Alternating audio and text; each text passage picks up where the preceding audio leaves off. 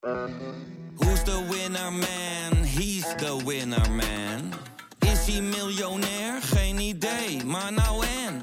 Je hebt geen jackpot nodig to be a winner man. Oh oké, dat is wel lekker man. Wil jij genieten van de beste VI Pro artikelen, video's en podcasts? En wil jij nog meer inzichten krijgen rond al het voetbalnieuws? Word dan nu lid van VI Pro. Voor exclusieve podcasts, tactische analyses, interviews met spelers en financiële inzichten. Ga nu naar vi.nl slash zsmpro voor de scherpste aanbieding. Welkom bij de VIZSM van vrijdag 8 september, waarin we je gaan eh, bijpraten over het actuele voetbalnieuws. Ik eh, ben Sjoerd Keijs en ik zit eh, tegenover Pieter Zwart. Hele goede morgen, Pieter. Goedemorgen, Sjoerd. En Nederland zal positief gestemd zijn, toch? Het is nog geen Polonaise, maar nou ja, het is een goed begin, toch? Na de 3-0 overwinning op Griekenland, daar hebben we het uiteraard over. Ja, dat was wel nodig. Ik denk dat toch, en dat bleek natuurlijk ook bij Ronald Koeman zo te zijn, dat mensen wel een beetje bevreesd waren van, oké, Griekenland, Ierland, al 4-0 verloren voor Frankrijk. Dit kan misschien ook fout gaan. En dat ging het eh, nu niet. Dus ik denk dat eh, opluchting een beetje het eh, kernwoord was bij Oranje. En al helemaal natuurlijk omdat Koeman een tactische switch maakt... waarvan die bij hoog en bij laag eh, geroepen had eh, dat het absoluut anders kon. En ja, dit, dit hoefde helemaal niet op die manier. En het kon ook eh, vanuit eh 4-3-3. Ja. En ja, daar moest hij van terugkomen. En dan moet je wel hopen dat het goed gaat. Want als het fout gaat, hij zei het zelf al, dan Het hakblok, lag het hè? hakblok lag Ja. al klaar. Ja, het was ook het meest gelezen op VI.nl dat hij systeem omgooide. en dat hij altijd weer uitkwam bij De Roon, was op Pro het meest gelezen. Nou, laten we beginnen met dat het eigenlijk een soort van Gaal verkleed als eh, Koeman of eh, andersom was, toch? Nou ja, de Koeman die, eh, was de eerste om het weer even te betrekken op zijn eigen trainersloopbaan. Daar had hij natuurlijk ook wel gelijk in. Even dat, naar Feyenoord refereren. Ja, Feyenoord, Ja. maar hij deed dat ook al in die periode dat hij met Ajax 2002, 2003, toen ze ver kwamen in de Champions League. Toen was hij ook al vaak met vijf verdedigers bezig. Dus hij heeft er bij best wel veel clubs gedaan. Bij Everton kan ik me herinneren dat hij het ook gedaan heeft. Bij Southampton heeft hij het gedaan. Dus toen inderdaad ook bij Feyenoord eh, in aanloop naar dat WK met Ja. eh, Van Gaal. En hij is er ook in zijn vorige periode als bondscoach, is hij ook begonnen met... eh, ja, een vergelijkbaar systeem. Dus ja, het is niet nieuw voor hem. En het toont vooral ja, zijn pragmatische kant. Hij is ingestapt als de idealistische Koeman.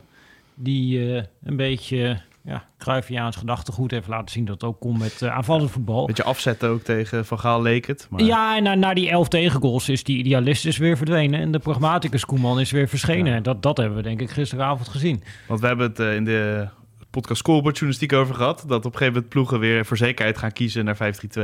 Nu gebeurt het bij het Nederlands elftal. Ja, was trouwens geen 5-3-2. Dat moet ook nog even gezegd eh, ja, ja. worden. Het was ook in dit geval echt geen 5-3-2.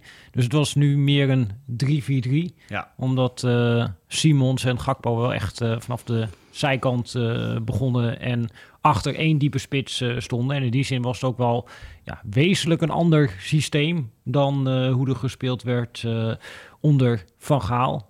Dit ging vaak over de driehoek en de omgekeerde driehoek. Ik weet nu niet meer of dit nou de... Dit was meer de Nederlandse driehoek, omgekeerde driehoek. Nou ja, goed. In ieder geval, het, wa- het was een driehoek. En de driehoek was in dit geval twee nummer 10's in de rug van Weghorst. En dan de zijkant in principe voor Blind en Dumfries. En dat ja, was qua veldbezetting, en dat, dat benadrukte Koeman natuurlijk ook, ja, best vergelijkbaar met hoe hij daarvoor gespeeld eh, heeft eh, tijdens het aanvallen. Alleen ja, welke spelers op welke posities uitkwamen, ja, dat was een heel groot verschil. En je zag dat die spelers daardoor ja, beter gingen functioneren met eh Dennis Dumfries denk ik voorop. Ja, is dit systeem dan duidelijker of gewoon iets meer zekerheid waaruit je makkelijker kan gaan voetballen? Ja, ik denk niet per se duidelijk. Ik denk dat het verschil er vooral in zit dat als je het nu weer terugpakt naar die eh, vorige periode.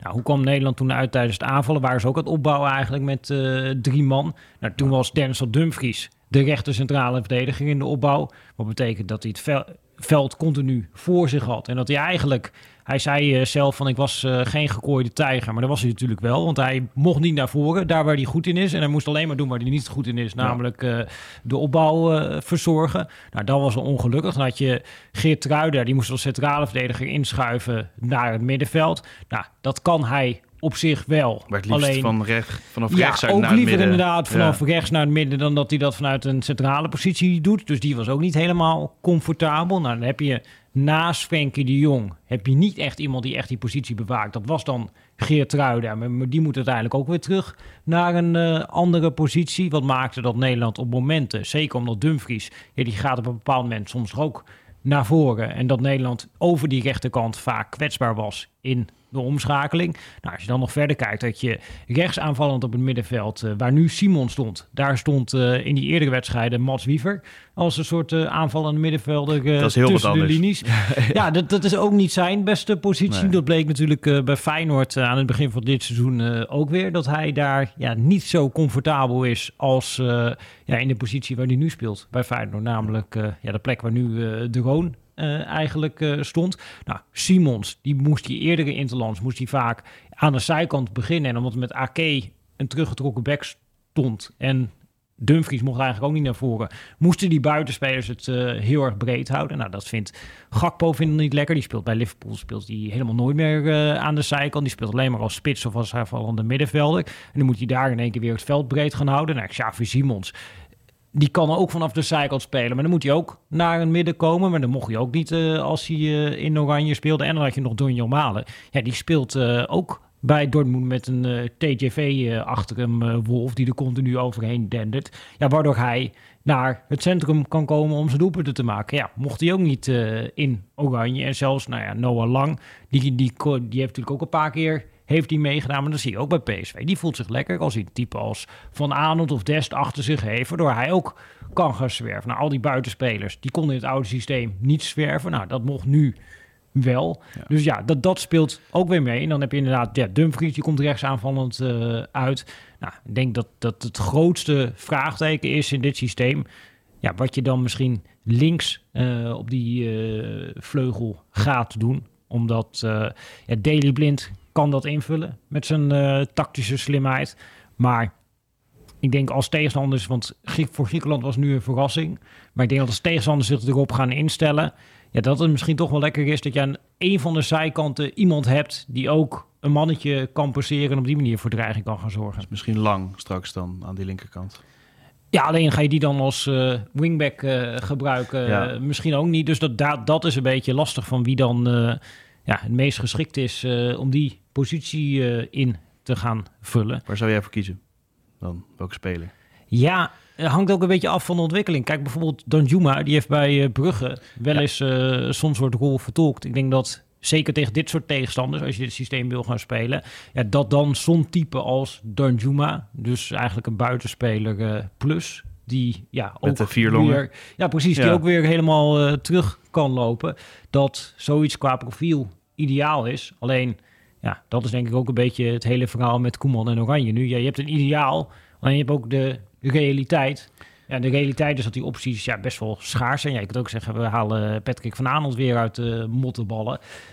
Alleen, ja, ik denk dat hij ook beter is met een echte buitenspeler eh, voor zich. Dus dat is best wel een beetje ja, zoeken naar wat dan het handigste is. Kun je misschien Cody Gakpo, zou die in zo'n rol kunnen spelen? Maar ja, dat is ook weer wat ik zeg. Het is totaal anders dan wat hij eh, doet eh, bij zijn club. Dus Ja. ja. dat, dat lijkt me een vraagteken als hij doorgaat eh, met dit systeem. Net als de positie naast eh Frenkie de Jong. Ja, waar ga je daar uiteindelijk uitkomen? Ja, de Roon eh, maakt een doelpunt. Ja, Zijn allereerste, daar was hij heel erg blij mee. ja dat was, was een tip van Davy Klaas, hè? Ja, ja, mooi. Dus Kijk eventjes op onze Instagram en onze TikTok inderdaad. Dat daar is dat clipje te vinden met Ja. Martijn. Hij brak eventjes in in het interview. Maar eh, ja, hij staat daar wel altijd weer als je hem nodig hebt. Hè? En is dat niet gewoon Ja, een terwijl speler... eigenlijk niet zo goed speelde in deze wedstrijd. Nee, nee. maar wel een doelpunt maakte. Ja. Maar in ieder geval, ze, ze vallen op hem terug als het eh, nodig is, toch? Eigenlijk altijd, die bondscoaches. Ja, omdat het gewoon een soort eh, ja, zekerheid en houvast biedt. En je weet wat je aan hem hebt. Maar is het En- nou nooit gewoon voor langere periode? Een keer dat, dat je gewoon echt op... Ja, Marten Droni stel je eerst op. dan heb je die controle en daar ga je de rest van je elftal uh, op baseren.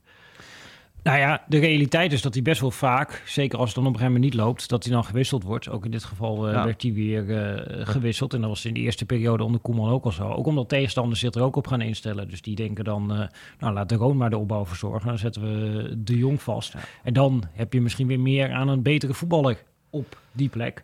En dan is ook weer de vraag, ja, wie moet dat zijn?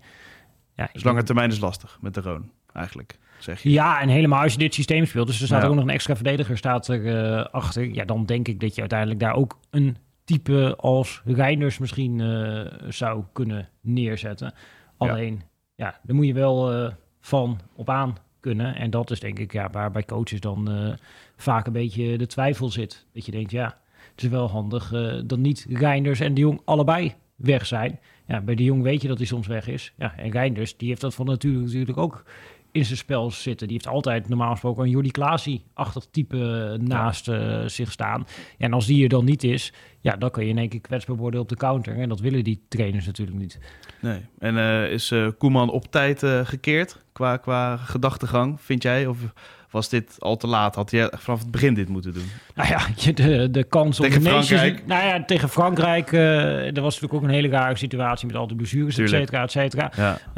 Uh, maar ja, die, die keuzes tegen Frankrijk pakte niet goed uit. En datzelfde kun je natuurlijk zeggen van de keuzes tegen Kroatië en Italië. Want ja, de Nations League, uh, dat zien we nu niet als prijs. Nu we vierde zijn geworden. Maar als Nederland die Nations League had gewonnen, dan hadden, we het wel, prijs. dan hadden we het wel als prijs gezien. En ja, we zijn natuurlijk ook niet een land met een prijskast van hier tot Tokio. Er staat één EK-bekertje in. En voor de rest hebben we in principe niks met het uh, mannenteam. Voordat je weer allerlei uh, vrouwen op je dak uh, krijgt. Want die hebben natuurlijk ook prijzen het, het EK. Ja, ja. ja, maar ja, dat als je Nation League erbij kan zetten, ja, dat, dat was toch wel bijzonder geweest. En ja, die kans is gewoon ja, verspeeld door een andere route in te zetten. En eigenlijk, ja, experiment mislukt.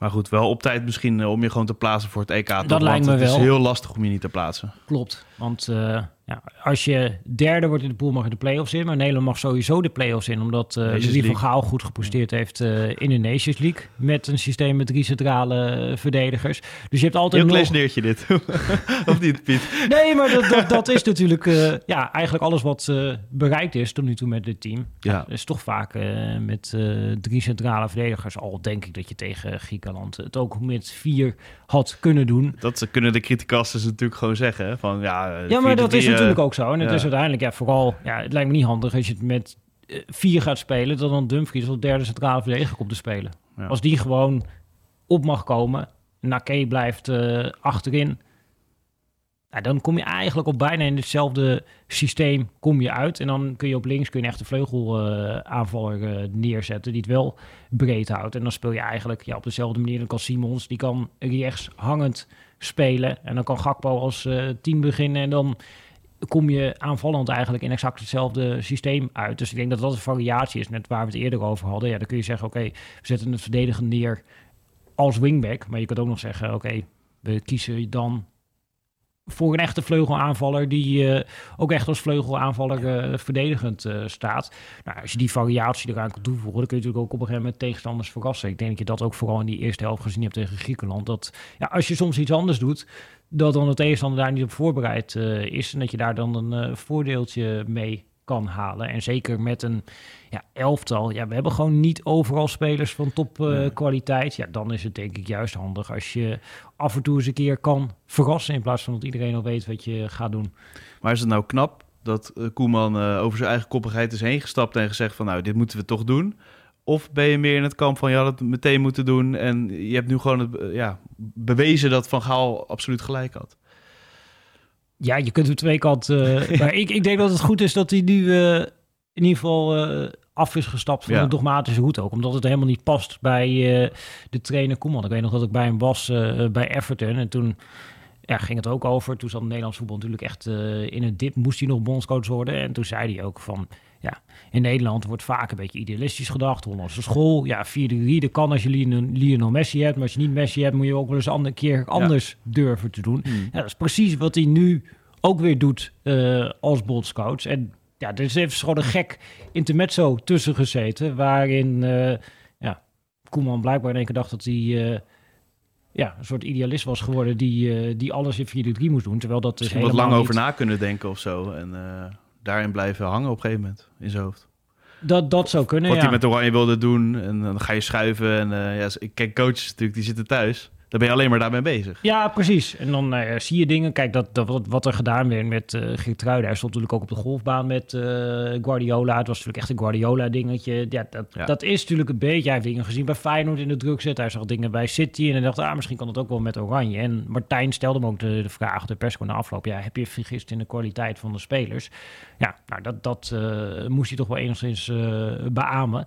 Maar ja, ik denk dat hij zich misschien ook, dat zei hij niet, maar dat hij zich ook wel vergist heeft in ja, op welke plekken zet je nou uiteindelijk die spelers neer en hoe komen ze in hun kracht? En als we dan teruggaan naar die opstelling waar we net mee begonnen, hoe die die vorige periode speelden, ja, daar kwamen een heleboel spelers uit op een positie waar ze eigenlijk niet de dingen doen waar ze echt goed in zijn. Eh, en ik denk dat dat eigenlijk veel meer dan systeem, want daar komt man dan ook weer gelijk in. Dat wordt dan soms te belangrijk eh, gemaakt, welk labeltje erop plakt, maar dat er veel meer gaat over, goh, nou, wie zijn nou mijn spelers en in welke rol voelen zij zich eh, prettig en ja, geef ze die rol. En als eh ja, Koeman daarin slaagt, dan kun je echt wel wat bereiken met het elftal. Maar je hebt ook gezien dat ja, als je gewoon zegt, dit is mijn mal en eh, je stapt maar gewoon in die mal, ja, dat het dan niet zo geweldig is als dat misschien iedereen denkt. Dus ja, een beetje realisme kan daarin eh, geen kwaad. Ja, en dan gaan we uit naar eh, Ierland, Dublin.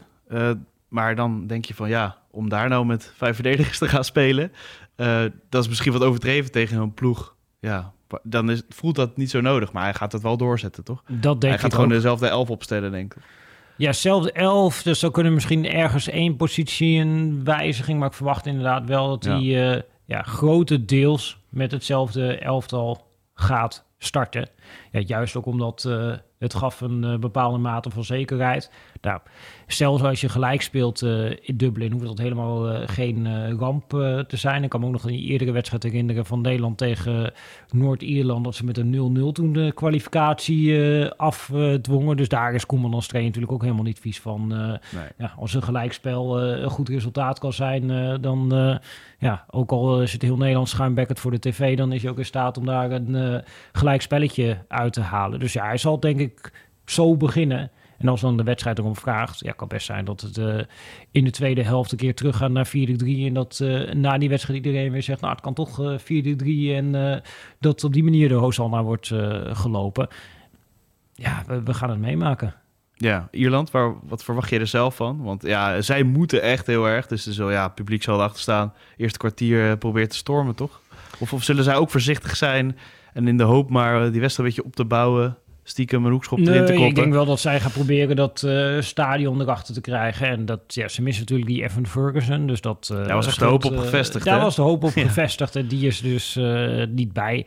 Ja, verder zitten wel een paar aardige spelers in. Maar dat is niet een heel bijzonder elftal eh Ierland. Maar ze gaan wel natuurlijk proberen om daar ja, een fysieke wedstrijd van te maken. En dat, dat zal denk ik vooral voor Nederland eh, ja, de opdracht zijn om daar niet te veel in mee te gaan. Maar dat is natuurlijk ook wel weer een voordeel van dit systeem. Dat... ze maken natuurlijk ook een doelpunt uit een aanvallende spelervatting. Maar als je ziet hoeveel kopkracht er in dit eh, elftal staat. Elke corner was enorm gevaarlijk ook, eh, Ja, trouwens. Maar dat is natuurlijk ook logisch, want je hebt drie centrale verdedigers die gewoon Ja. echt goed kunnen Ja. koppen. Geert Kruijden is natuurlijk ook bijvoorbeeld echt een hele goede aanvallende kopper. Maar dat geldt ook voor Ake en eh, Van Dijk. Heb je nog Dumfries heb je erbij. De Roon is ook een goede aanvallende kopper. En dan ook nog Weghorst, die in dit geval in de basis stond.